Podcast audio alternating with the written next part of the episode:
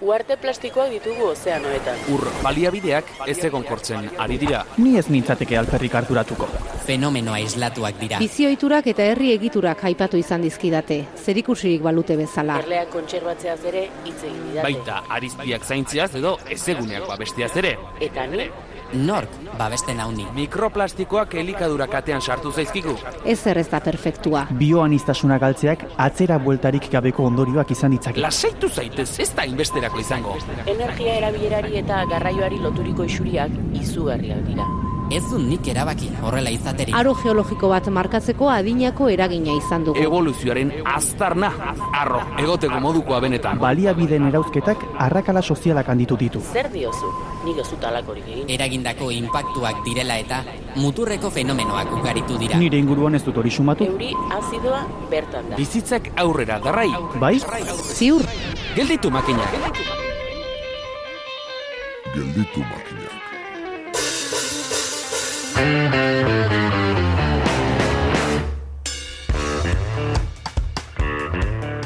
Globalean pentsatu eta lokalean eragin esaerari kabida txiki bat bilatu dakioke. Zeren ez dago argi nork bere lokalean eragitea den kontua, edo nork ote duen non eragina, edo non jaso nahi den kolaborazio globala.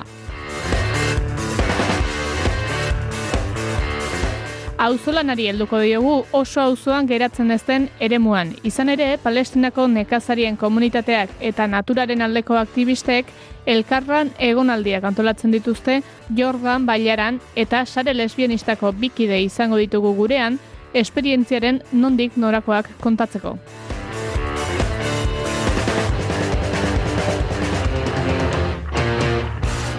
Esperientzia eta komunitate gehiago ere izango ditugu izar mendigurenekin urduñako energia berriztagarrien komunitatea ekarko du gure uinetara.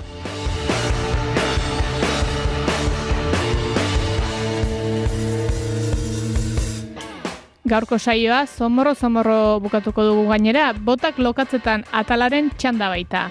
Gaurkoan klima aldaketaren eta eukaliptoen mehatxuak susmatzen dituen uandrea ekarriko digu Iñaki Sanz azkuek. Pide luzea du aurretik gelditu makinak saioaren irugarren denboraldiko hogei garren atalak. Asteragoaz.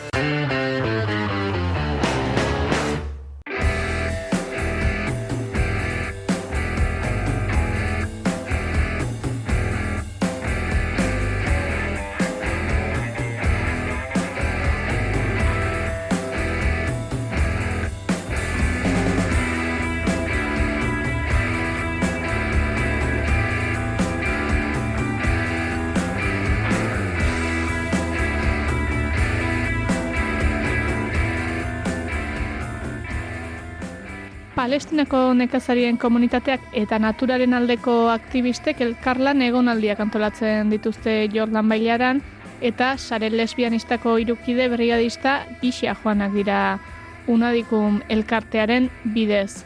Aurten ere zabaldu dute brigadista joan alizateko deia eta gaia zitz egitera hurbildu dira bertan izan ziren Dunia eta Eider. Ongi etorri. Eskerrik asko. Kaixo. Tira zuek, sare lesbianistako kide zarete eta eta nola sortu da Palestinako nekazal komunitatearekin duzuen harremana? E, bueno, harremana aspaldi hasi izan sortzen Palestinarekin. Bueno, e, duniaren jatorria palestinarra dalako. Orduan, e, bueno, ba, duela urte terdi edo, berak e, proposatu euskun, e, taldean, bueno, taldeari proposatu euskun, e, QCP edo Queer Cinema for Palestine nazioarteko zinemaldian parte hartzera, zare lesbianista moduan, eta, bueno, ba, taldean e, pentsatu genuen, eta eta parte hartu genuen, ez? Hor, ba, herri ezberdinetako eragile sozialak eta taldeak e, partu hartu genuen ekintza ezberdinak antolatzen. Eta, ba, zare lesbianistatik e, dokumental bat ipini genuen eta gero mai inguru bat antolatu gendun bebai. Hmm. Zuekin batera Paula ere joan zen, eta Bai. hasteko zenbat denbora segon zineten bertan? Ba, e, dunia eta biok hilabete bat egon ginen, E, Paula, igual, bi edo hiru aste edo e, harinago bueltatu zan.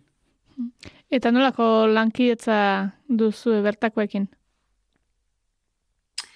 E, bueno, lankidetza alde batekoa da, edo zen, e, hau da, bertako nekazariek eta eragile sozialek egindako eta antolatutako proiektua da. Beraz, gure bapera zoik proiektua zabaltzea da momentu honetan. Hau da, palestinatik etorritako proposamenak dira. Eta ikuspuntu horretatik guretzak egin daiteken lankidetzarik egokiena da. Hmm. Guk ez dugu ezer proposatzen. Osea, palestinatik eh, dator ideia.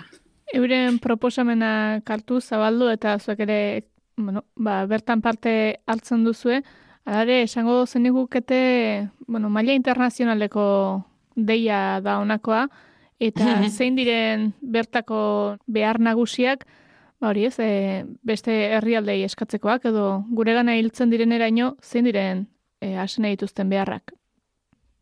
Labur bilduz, ba, em, Palestina herria gaur egun, bueno, e, ja amarkada asko daroaz okupazioarepean, eta ba, okupazio hori e, gelditzea izango litzateke helbururik nagusiena, ez?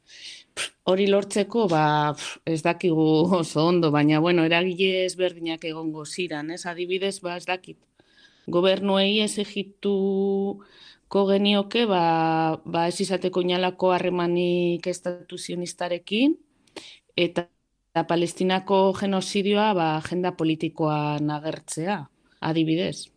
Eta gero bazdak herritarrei ba, gutxienez BDSa edo e, Israelgo e, produktuei boikota egitea, eta bueno, gero adiegotea ba, mobilizazioetara eta eta animatzea parte hartzera, ez? Adibidez, e, asteburu honetan ba egon dira Bilbon eta Donostin mobilizazioak Palestinaren alde eta ba bueno, parte hartzera eta gero ba alden neurrian ere ba bertara joatea eta egoera ezagutzea, ez? Ba adibidez, e, Jordanaranera joatea brigada hauekin.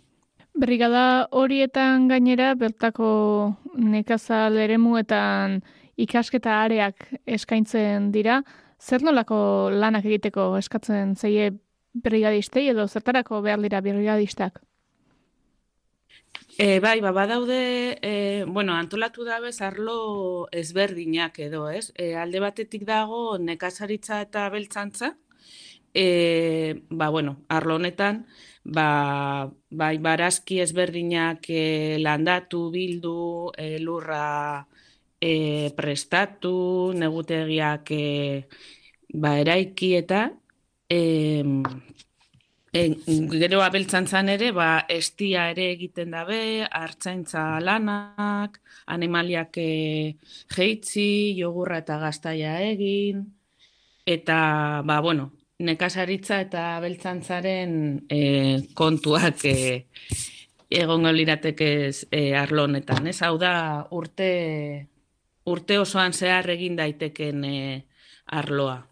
Bueno, ba, bigarren arloa bio eraikuntza e, izango litzateke, hau apiriletik e, urrira egiten da, e, sasoi honetan e, egiten dituztelako eraikinak, eta ba, bueno, e, alde batetik dago e, eraikin e, teknika tradizionalekin e, eraikinak egitea, e, adoberekin eraikitzen dabe, eta gero bestalde batetik biogaza ere egiteko eta bueno, egiten ikasteko aukera egongo litzateke.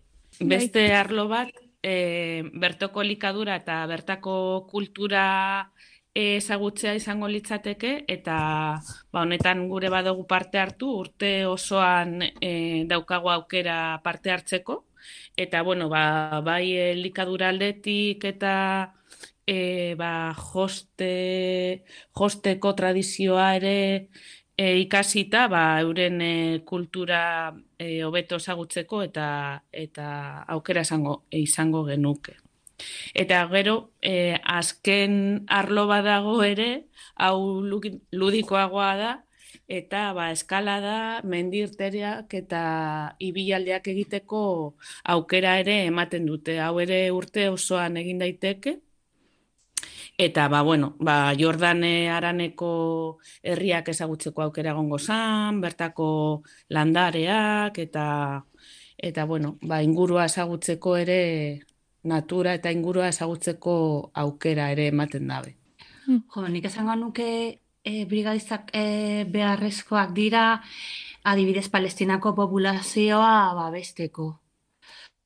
E, Israelgo ejerzituak nazioarteko brigadisten aurrean, ba, jarrera aldatzen du, irudi demokratiko bat eman nahi duelako.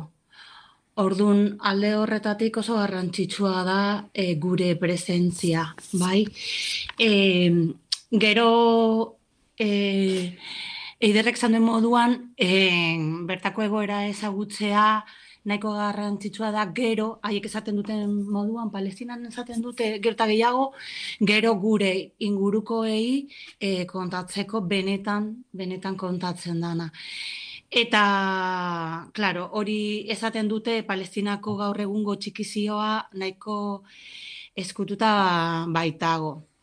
E, nik esango nuke be bai, brigadista moduan, eh, joaten baldin bagara palestinara, ba, eguneroko zailtasunetan igual e, lagungarriak izan gaitezkela. Bai, adibidez ekonomikoki, e, ba, palestinako mm, oso simplea da, baina palestinako produktuak erosiz. Bai, hori izan daiteke, bueno, hori, nahiko brigaista moduan, nahiko entezgarria. Hmm.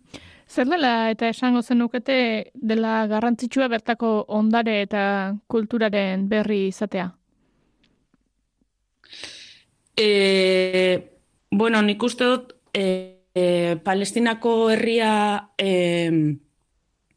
ba, bueno, gaur egun egoera oso larrian dagoela e, Israelgo estatuak eta ejerzituak, bueno, eta kolonoek ere e, euren tradizioa, euren kultura eta bueno, euren lurra, hizkuntza eta bueno, euren nortasun azkenean e, desagertarazi nahi dutelako eta bueno, euren erresistentzia bada, ez? E, azkenean eurek jakin ondo badakite euren lurra dela, e, euren kultura bertakoa dela eta eta hor erresistentzian diar dute, ez? Orduan, uste dut oso oso garrantzitsua dela ba, hori ezagutzea eta eta bueno, eurek lurrarekin eta inguru horrekin daukaten e, harreman eder hori ere ezagutzea eta eta haietaz ere ikastea. Egoera, bueno, soziopolitikoa aipatu duzue lehen pixka bat, eta, eta bueno, jakin nahi genuke, ea jorlan aranean badagoen bere izgarririk, edo oroar, bueno, eoiko egoera den bertakoa, badaukan bestelako, hori, esan dakorik bere izkarrerik edo baute duen? E, bueno, bai, e, Jordan Arana, bueno, Zizjordanearen barruan dago, eta Zizjordanea e, bera, ba, sonaldez berdinetan banatuta dago, ez? A, B eta C sonaldeetan. E, Jordan Arana C sonaldean kokatzen da, eta honek esan gure dau, e, ba, bai administratiboki eta bai, bueno, segurtasuna edo deitzen dioten aldetik, ba, Israelgo mandato militarraren pean e, dagoela, ez? E, bueno, azkenean Palestina guztia, e, bai Jordan errekatik Mediterran itxasora dago e, e, Israelgo okupazioaren pean eta jasas, jasarpen mailez berdinak e, jasaten dituzte, ez? Baina zonalde hau e, ba, badauka egoera e, ba, bueno, berezi hori, ez?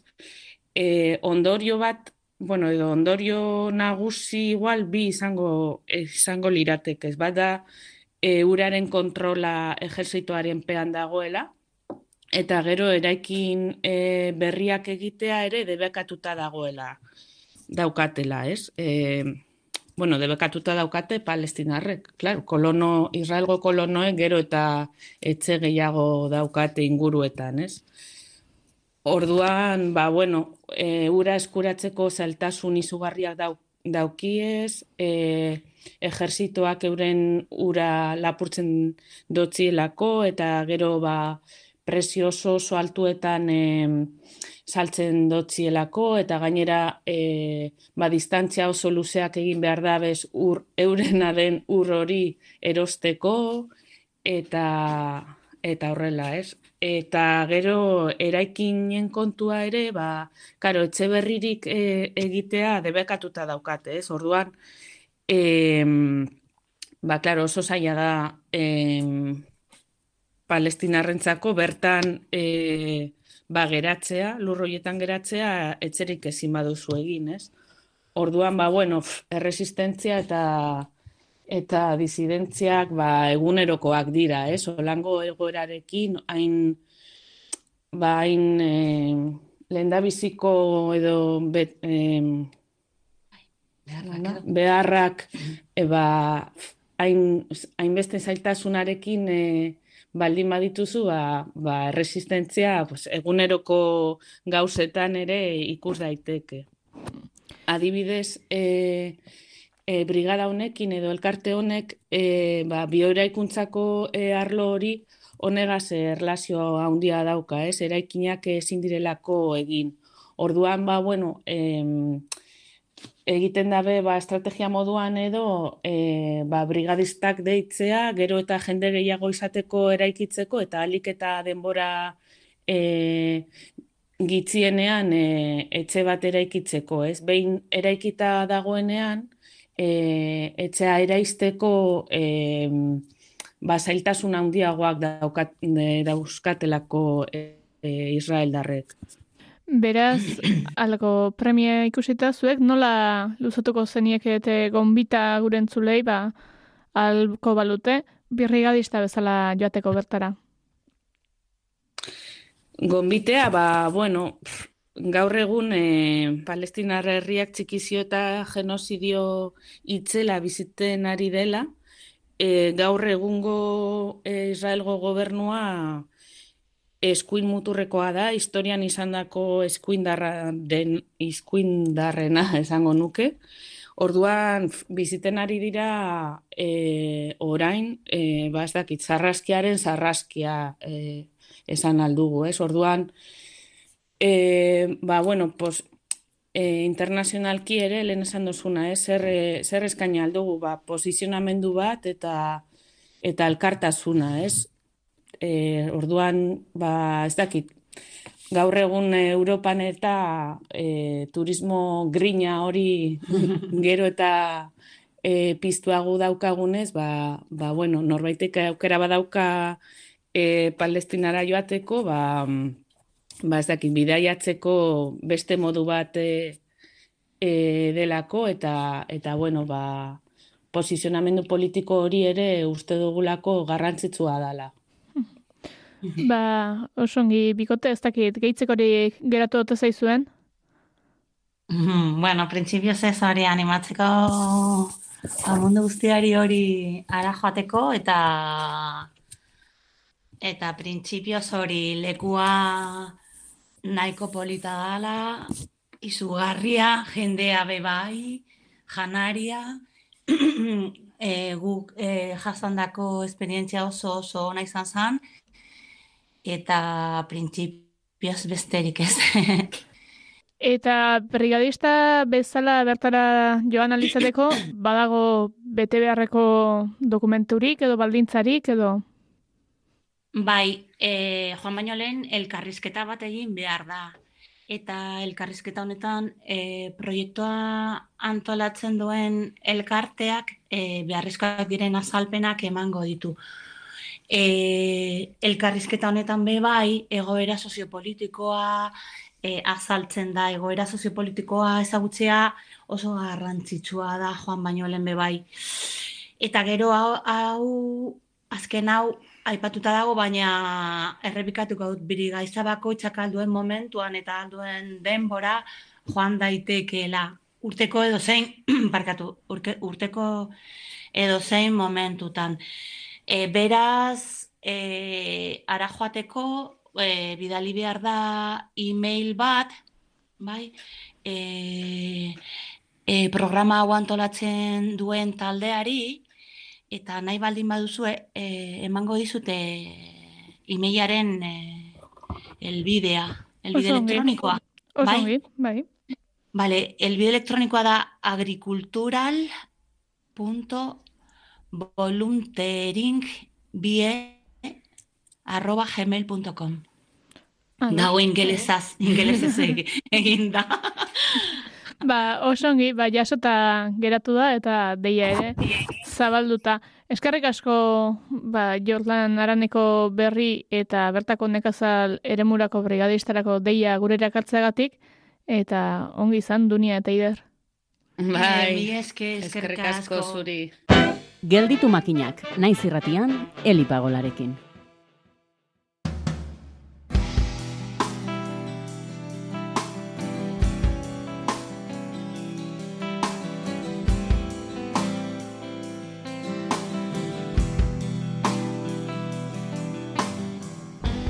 Jarraian, izar mendigureni emango diogu pasoa, energia berriztagarrien komunitatera hurbilduko gaitu eta.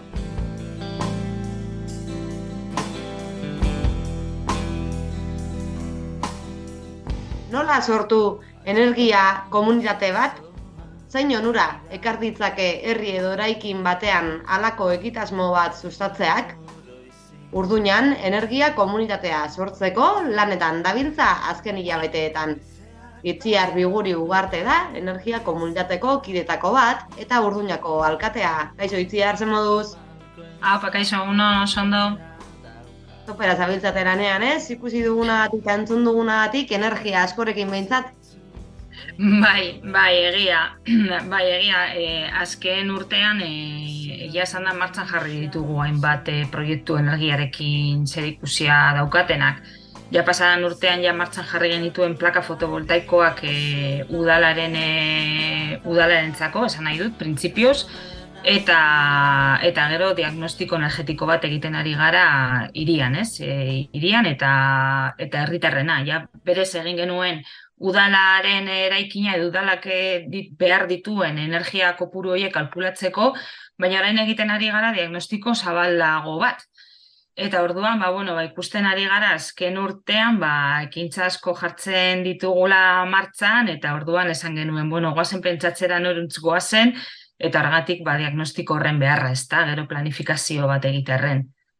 Baina askotan, e, herriagu baino, instituzioa baino askarrago doa, eta orduan uste dugu herriari ere ba, kasu egin bar zaiola, herritarri kasu egin bar zaiola, eta orduan ba, ba horretan gaude, zuke hasiera batean komentatu duzun bezala komunitate energetikoa e, sortzearen e, asmoan gaude, eta sortzen ari gara jadanik.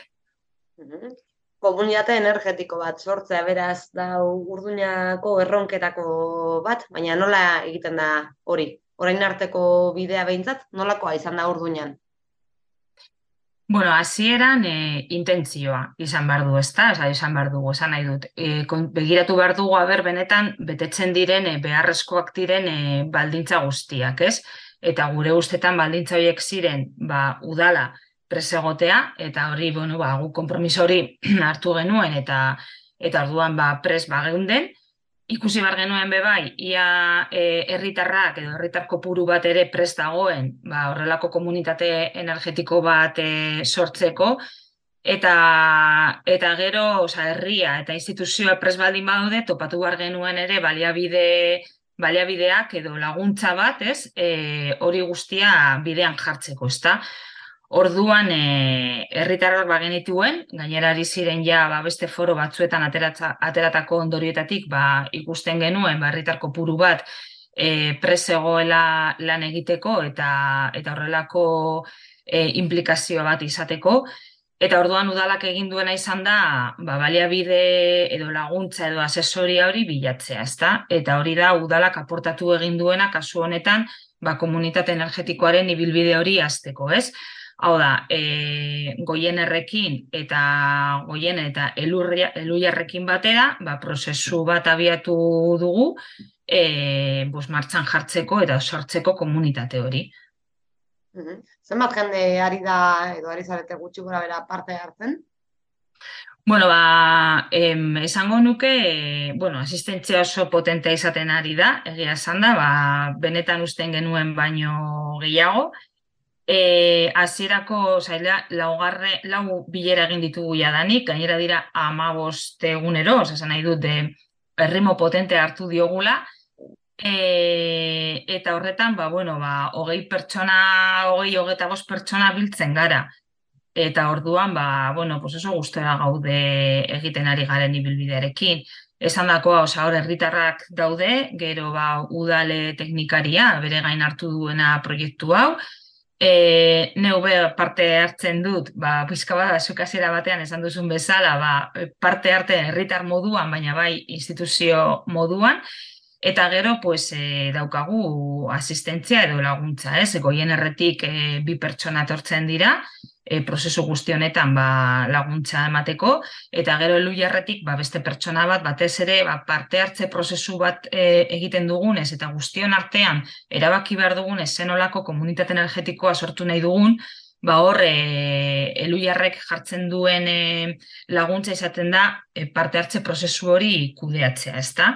eta orduan ba, dinamika desberdinien bitartez, ba, joaten gara adosten, e, ba, bueno, ba, esan dakoa, ba, sortuko dugun komunitatea, e, zertarako izango den, e, nola funtzionatzeko dugun, eta bar, eta bar, ez? Orduan parte hartzearekin e, oso, oso gustora gaude esan da.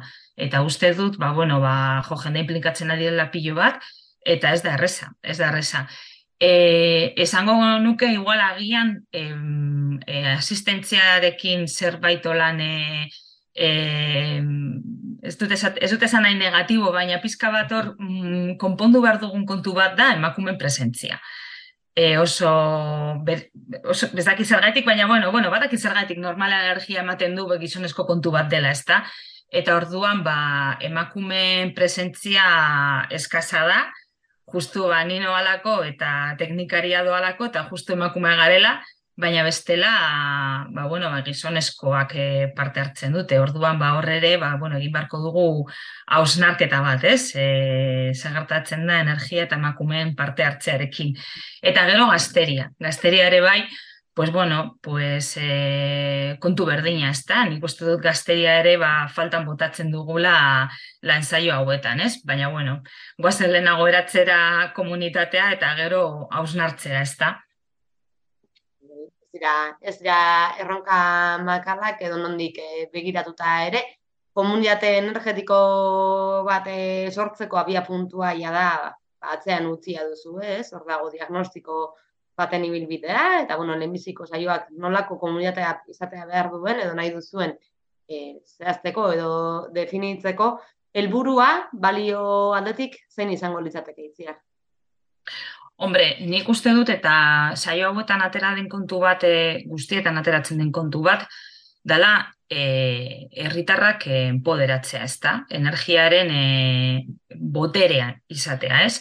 ikusten ari gara azken aldi honetan nola e, aldaketa badator, egia da, pues, aldaketa horretan ba, pentsatu beharko dugula zenolako energia kontsumitzen dugun, eta, eta nondik e, aterako dugun energia hori, orduan hori ez da hori hor gainean dago, eta bolo-bolo dago herri guztietan, eta, eta ba, gure artean ere, ba, e, komarka askotan, Eta guk hemen egiten duguna momentu honetan egiten ari garena da e, boterea daukagu, aukera daukagu, energia gure esku egoteko, guazen hori egitera, ezta?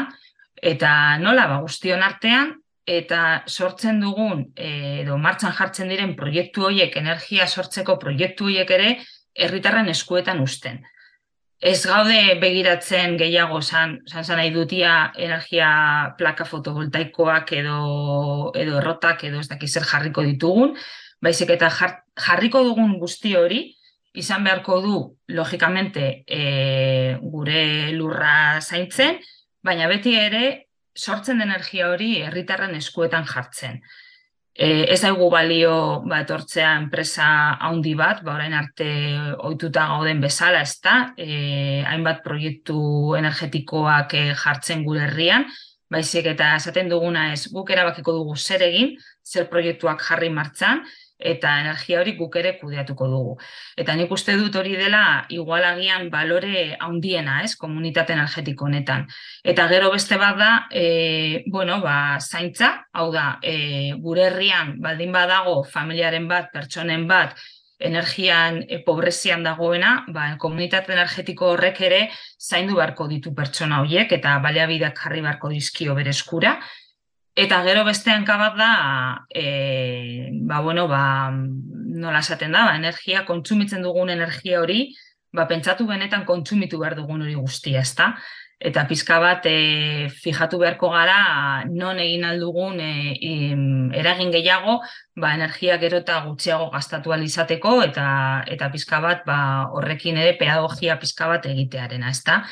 Baina nik uste dut sustraian hori dagoela, ezta? E, ez dugula astu behar, ba, urte edo bizitza honetan galdu izan ditugu ba, gure eskumenean edo gure eskuetan zeuden e, e, ba, baliabide guzti horiek, ba, ia herri gehienetan existitzen ziren errotak, herri egienetan existitzen zen energia ateratzeko modu bat, hoi guztiak lagatu egin ditugu, utzi izan ditugu, bai energia beste bide batetik zetorrelako, eta guazen hausnartzera nola eskuratu aldugun e, botere hori. Energia krisia ere ez, ba, naturarekin, aldaketa klimatikoarekin lotuta maiganean edo pilpilean dagoen e, beste gai bat da, zentzu horretan, Urduñan udaletik ere bai hainbat ekimen eh, jarri dituzu abian, diagnostikoa e, kasu edo bueno, ba udaleraikine azpigituretako energia konsumoa ere bai aztertu eta bestelako alternatibak e, proposatzea. Uste duzu herritarre bueno, balkate bezala erakunde publiko edo instituzioek horbe badutela zer esana edo zer egina? Bai, bai, bai, noski. Osa, e, horrelako iniziatiba bultzatu behar ditugu, eta ez baditugu bultzatzen instituzioetatik, ba, ba herritarrak igual askotan ez dituzte baliabide nahikorik izango. Osa, guk orain adibidez egiten ari garen prozesu guzti hau, eta laguntza guzti hau, e, asesoria goien erretaluiarren asesoriarekin udala kontratatu du. Orduan, e, bai, pos, herritarrak ere elkartu el ziren eta bere kabuz egin, baina egia da energiaren kontu hau eta eta sortzearen aurrelako komunitate bat ez da ez da bat ere erresa, badakigu askotan e, zenolako zailtasunak ditugu elkarte bat e, egiteko, pues demagun gaien energiarekin zer ikusia daukan e, elkarte bat, ez? Edo kooperatiba bat edo edo dena delakoa, ez?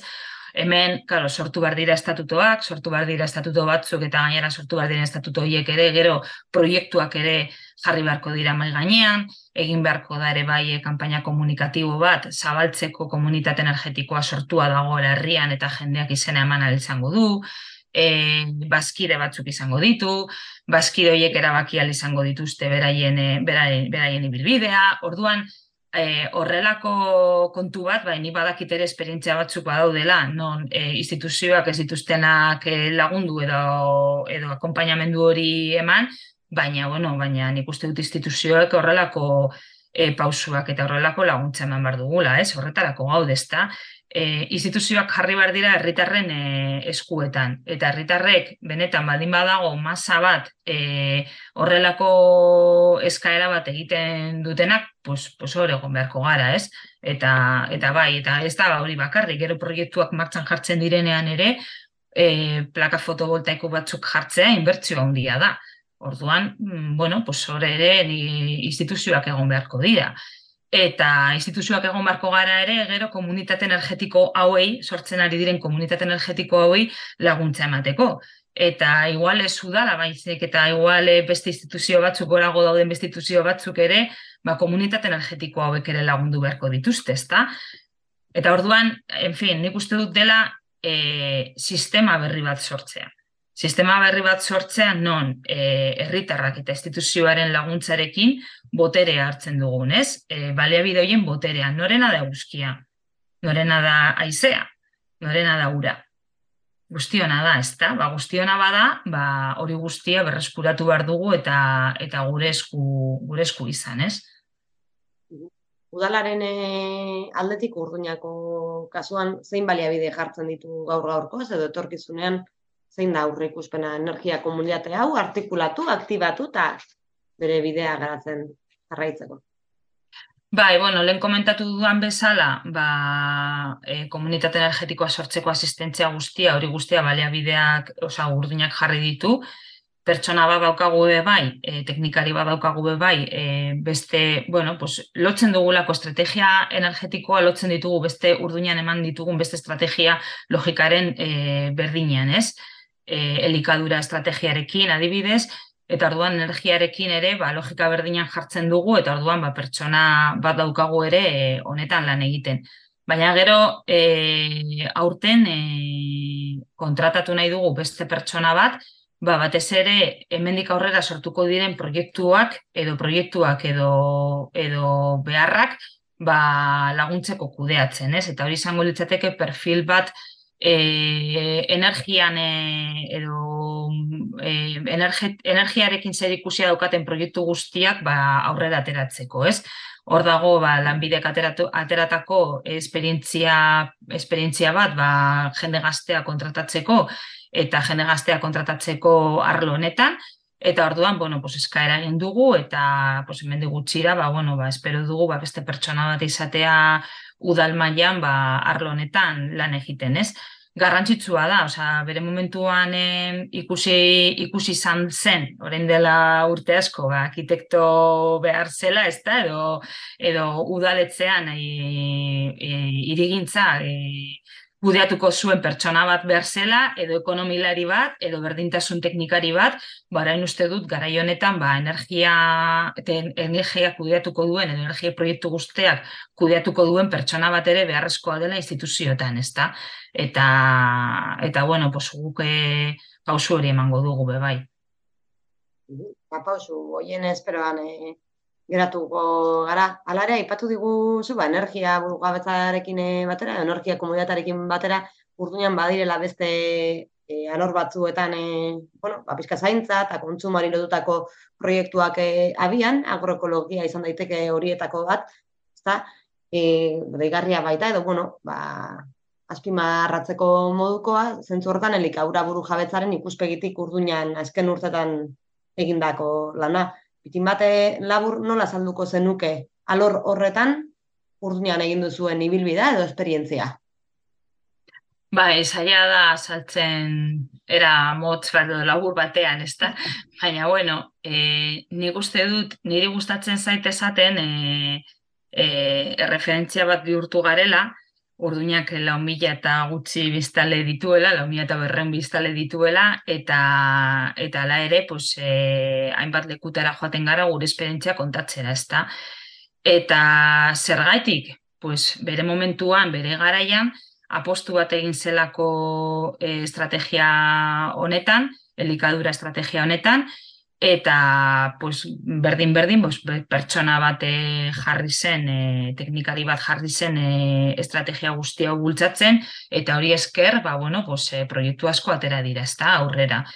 E, bueno, esaguna izango da sukaldearen, udal sukaldearen proiektua, baina gero pues, beste proiektu txiki handi asko ere jarri ditugu martxan, ez da, eta nik uste dut, garrantzitsuena igualagian izan daiteke e, zaintza e, elikadura buru jabetzan e, lanean dagoen jende hori ba, ba bestu eta zaintzea, zaintzearena, ez da, nik uste dut.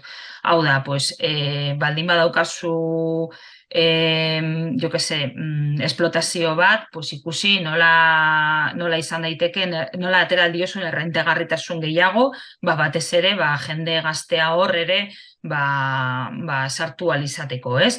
Edo familia bat sartu alizateko. Eta orduan, lan hori ere, pues, la, luzea da eta, eta urte askotako lan bat da, baina gero ja urteak pasatuta ikusten da ba zenolako garrantzia daukan inbertitzea denbora horretan, ez? Eta gero, pues bueno, oraindik ere pausu asko eman aldira, ezta? Estrategia buruka, eh, o sea, likadura buru jabetzaren pean, ez? Orain eh, egiten ari gara eh, badibidez lurzoruaren eh, ikerketa bat egin behar da, ikusteko aber urduinak zenolako kapasitatea izan alduen ba, elikadura buru jabetzaren azpian ba, beste proiektu batzuk martzan jartzeko, edo adibidez e, egon gara bebai e, aztertzen e, elikaduraren pean, ba, ikusten ez dugun hori, hau da, zer botatzen dugun, eta zenolako e, janari edo baskari zauketa dagoen, ez da, eta neurtzen, ez, ba, pizka bat horretan ere inzidentzia egiteko, ez. Orduan, e, ez gara konturatzen, baina elikadura, elikadura, energia, ura, e, e, lurre amaren babesa, osea, da, dana dago lotuta, ez da, gure osasuna, osea, zenbat eta hobeto bazkaldu, ba, igual, e, gero eta osasungoak egongo gara, ez? Eta orduan hor, inziditzen jarretu behar dugu, eta orduan guk dan guzti, estrategia guzti hauek, e, txapela baten barruan edo azpian ikusten ditugu, ez? Eta bueno, pues orduan hemendik aurrera erronkak izango dira, ba hortik aterako direnak, ezta? E, elikadura buru jabetzan, energia buru jabetzan eta eta gauza eta guzti horiek, ez? Udale zukalde aipatu diguzuren, baina nahian eba. Merezi utxikatze bat horretan sakontzeak eskola jantokiak, ba, entzule askorentzako ez baita ezaguna izango, zer da, zer da berez e, udaletik sustatu zena edo martzan dagoen e, egitasmoa tokiko produktuak sustatzetik arago doana? Bai, e, udal sukaldea ditzen diogu eta, bueno, e, zahar egoitzan daukagun struktura, sukaldea erabiliz, e, horre sukaldatu egiten dugu, baz, e, zahar egoitzan dauden elgoia herri egunero, hau da, gozaria, baskaria, faria eta merienda eta bar, baina gero aparte, e, eskolari ematen diogu ere jaten, eskolako aurre ematen diogu jaten. Orduan, e, bueno, pues, komentatu duzun bezala, karo, udal guretzat garrantzitsua da, e, infrastruktura berri bat delako eta eta horren bitartez ba, sortzen direlako aukera handiak, ezta? Hau da, ez, ba, ez dugula bakarrik e, ematen, ez dugula bakarrik baten jaten, besterik gabe, e, edo nagusi edo aurrei baizik eta gainera kalitateko janaria ematen diogula, ez? E, e, nutrizionalki ere kalitatekoa dana, bertokoa edo ingurukoa, eta bertan sukaldatutakoa, ez da? Guretzate proiektu hori beti izan da oso garrantzitsua, Eta gainera, e, bueno, izan da proiektu bat urte askotan trabatuta egon dela, eta geldirik egon dela, ba, bueno, ba, zain bat arazo izan genituelako, baina, bueno, ja martxan dago, eta, eta bueno, pizkanaka, pizkanaka, ja, pues, bueno, pues, e, estabilizatzen, ez, hori guztia. Eta, bueno, pues, ikusi beharko dugu hortik aurrera ere, zebeste nolako, e, aukerak irekitzen diren, ezta? Eta guk uste dugu eta guk e, egin genuenean e, gogoratzen naiz e, izan genuenean e, e, parlamentuan e, aiaraldeko aiaraldeko egoera sozioekonomikoa sustatzeko e, eztabaida egon zenean, e, guk plantamentu bat egin genuen eta izan zen e, sukalde komarkala bat irekitzea.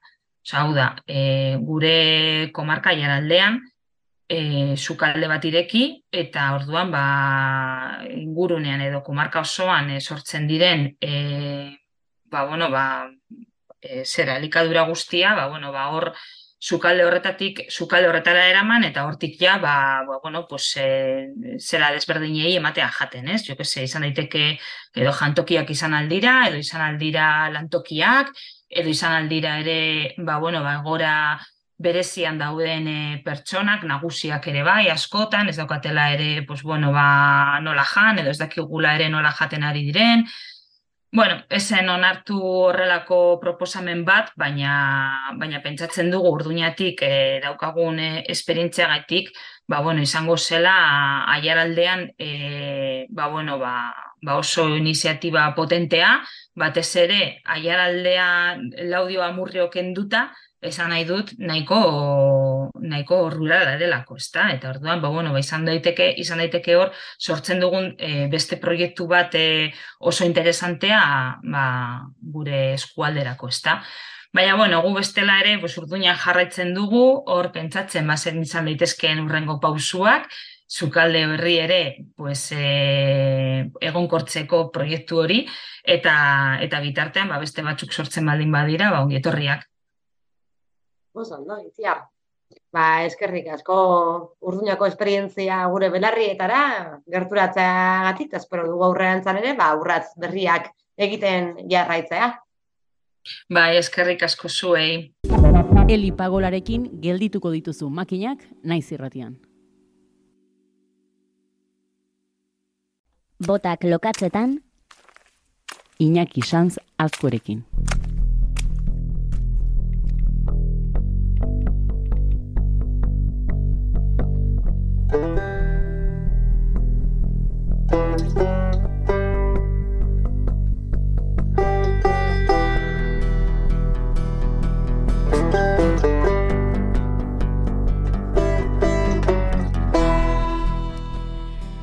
Denboraldia alderik alde gurutzatzen duan kauboia zoroitzen gara, hilero hilero astintzen ditu botak gure ostatura sartu horretik, txundituko baituen historia bat kontatu asmoz.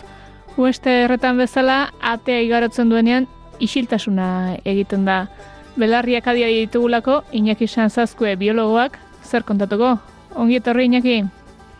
Kaixo, ele... Ja, badituzu atal batzuk gurean, eh? Bai, ja, bea, kontuatu orduko otxailan gaude, gezurra ematen du, eh, irailan hasita. Hori da, eta hotza sartu xamarra dugu, eta koste egiten zait gaur animalia bat dakarki duzula sinistea, baina hala da, ezta? Hala da, eta hala ere sinistu neguan ere naturak badukala bere puntua, eh? Oaixe, bai. zozoak, zozoak hasi zaizkigu kantuan, goiz eta gaualdea, araba zozoak ere hemen inguruan dabiltza, eta urubia ere kantuan, hasi que... Azter aukeratu da izango benuke, baina gaur, gaur esan dezu bezala, katiuskak edo bota jarri eta putzura saltu ingo dugu. Eta zer aurkituko dugu ba, putzuan? Ba, putzuan uandreak aurkituko ditugu uandreak e, anfibio, anfibioak dira, hau da, pentsatu behar deguna ura eta lurraren artean mugitzen diren talde hori, baina anfibioen barruan bai da bi adar, esango nuke, bi multzo, batzuk e, anuroak, deitzen dianak, da, isatxik gabeko eldut, elduak dianean isatxik ez duten anfibioak, eta beste batzuk urodeloak. Eta gaur aipatuko dugun uandrea, edo uandreak, ba, urodeloak izango liateke. Alegia, eldutasunean isatxa duten anfibioak izango liateke. Hmm. Eta horien artean, okerrezpanago, bat berizteko asmoa duzu? Bai, izan ere Euskal Herrian, ba, espezie bat baino gehiago ditugu, baino bat aukeratzearen uste dute aproposa izan entekela uandre palmatua. Da, Euskal Herrian banaketa oso zabala du, izango nuke Nafarro hegoaldean izan ezik gainontzeko ere guztietan aurkitu dezakegula. Eta horrez gain ba ikusteko ez da hain zaila sortatzen topatu daiteke hasi baso edo zelai ingurutako putzu zuloetan, hau da putzu txikietan, e, pistetan, mendi pistetan aurkitu daiteken putzuetan, edota sarri ere eta ahozkotasunean ere jaso izan dugu, asketan aurkitzen da, edo eta garbilekuetako ere horietan, ez? Orduan, uandere palmatua esan genezake gertuko espezia dela, e, ba, orain dela urte batzuk arte behintzat nahiko ezaguna, eta orain gertu daukagun arren nahiko ez ezaguna egiten zaiguna. Gara hontan ze ikusiko genuke, e, uandrea bera, bere arraultzatxoak, edo zer ikusiko genuke otxailean? Ez, Ba, kasu honetan uandreak hasiko zaizkigu ja putzuetara gerturatzen. Alegia, baso ere mutikan mugitzen joango lirateke, behaien e, lurreko fasea edo bukatutzat emango lukete, eta uda berria gerturatzen hasten da einon, einean, ba, egun hauetan pixkanaka pixkanaka putzura joango lirateke.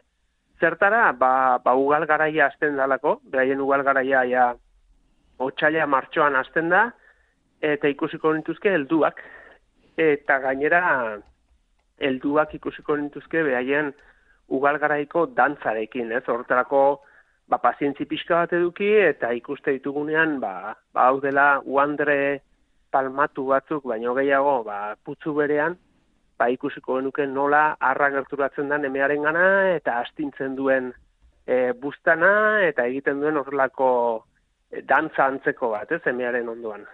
Hmm.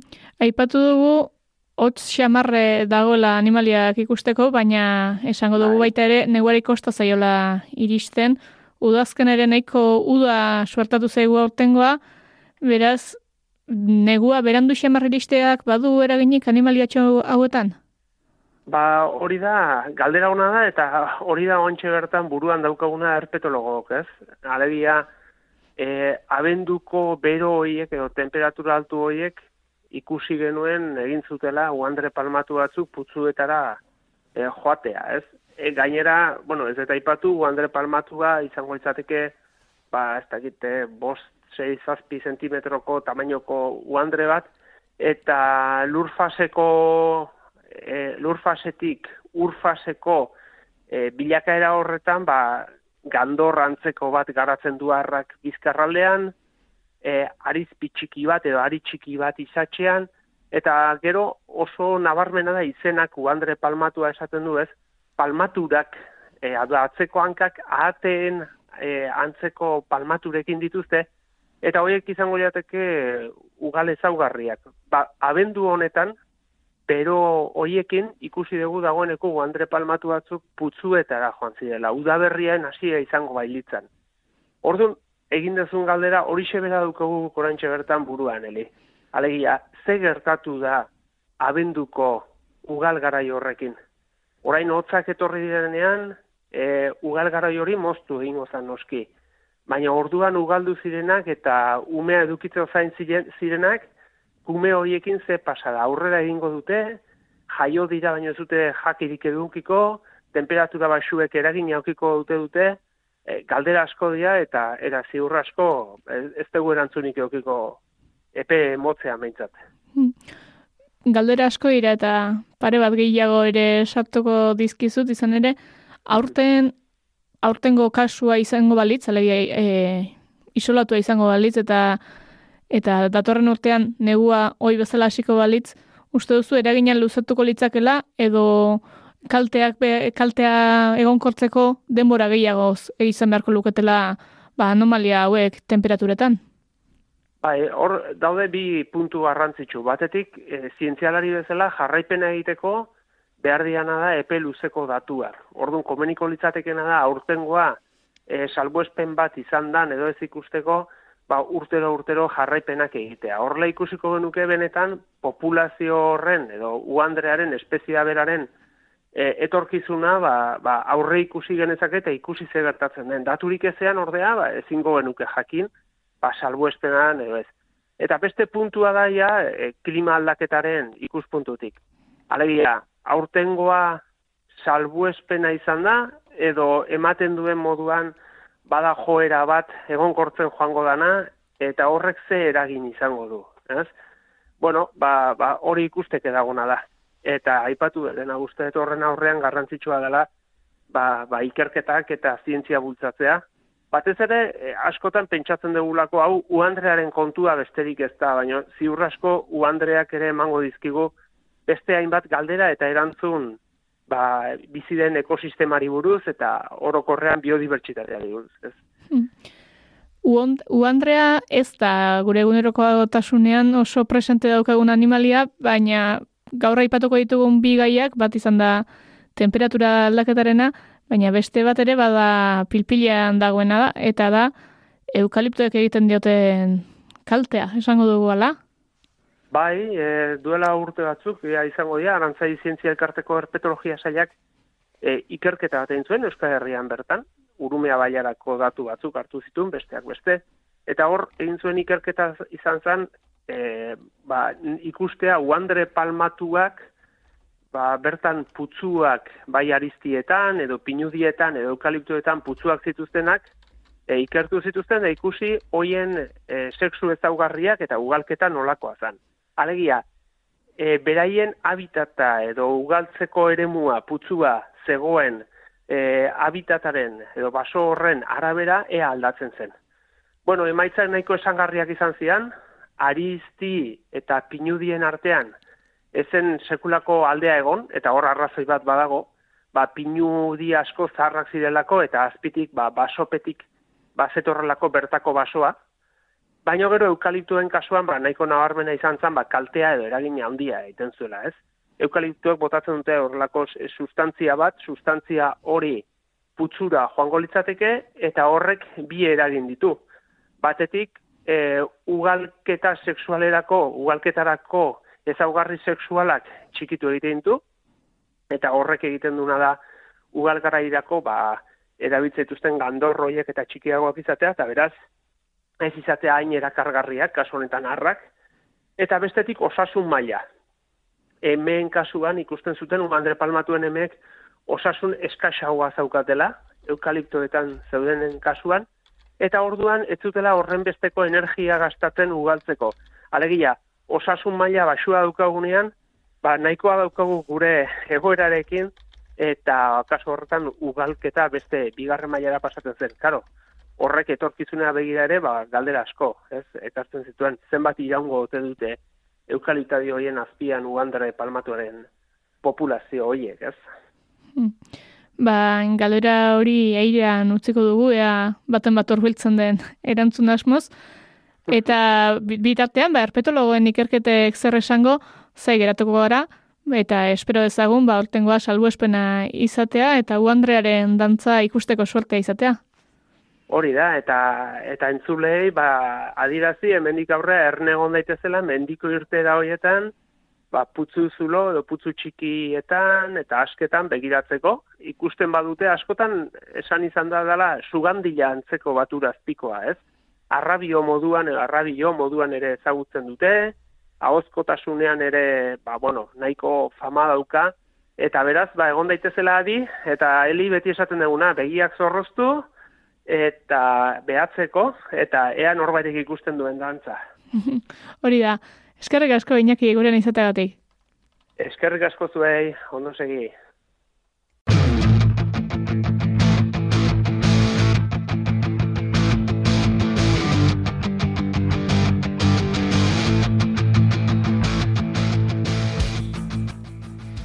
Hauxe izan daba entzule hogei garrenerako gordea genuena. Datorren erarte, gozotik ibili.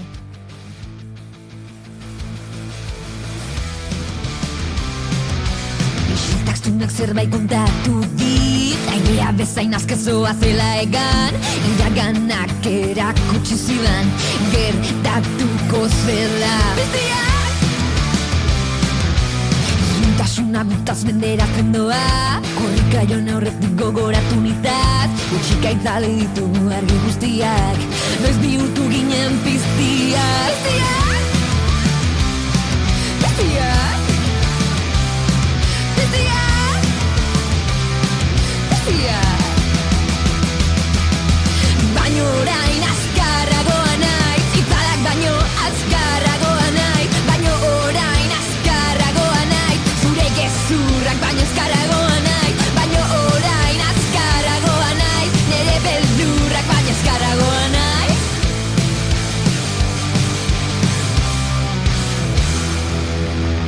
laneko gezi bat duzu biotean Baina kizi horren izauritzen nau Eta seksu urriña gobernatu zaitu.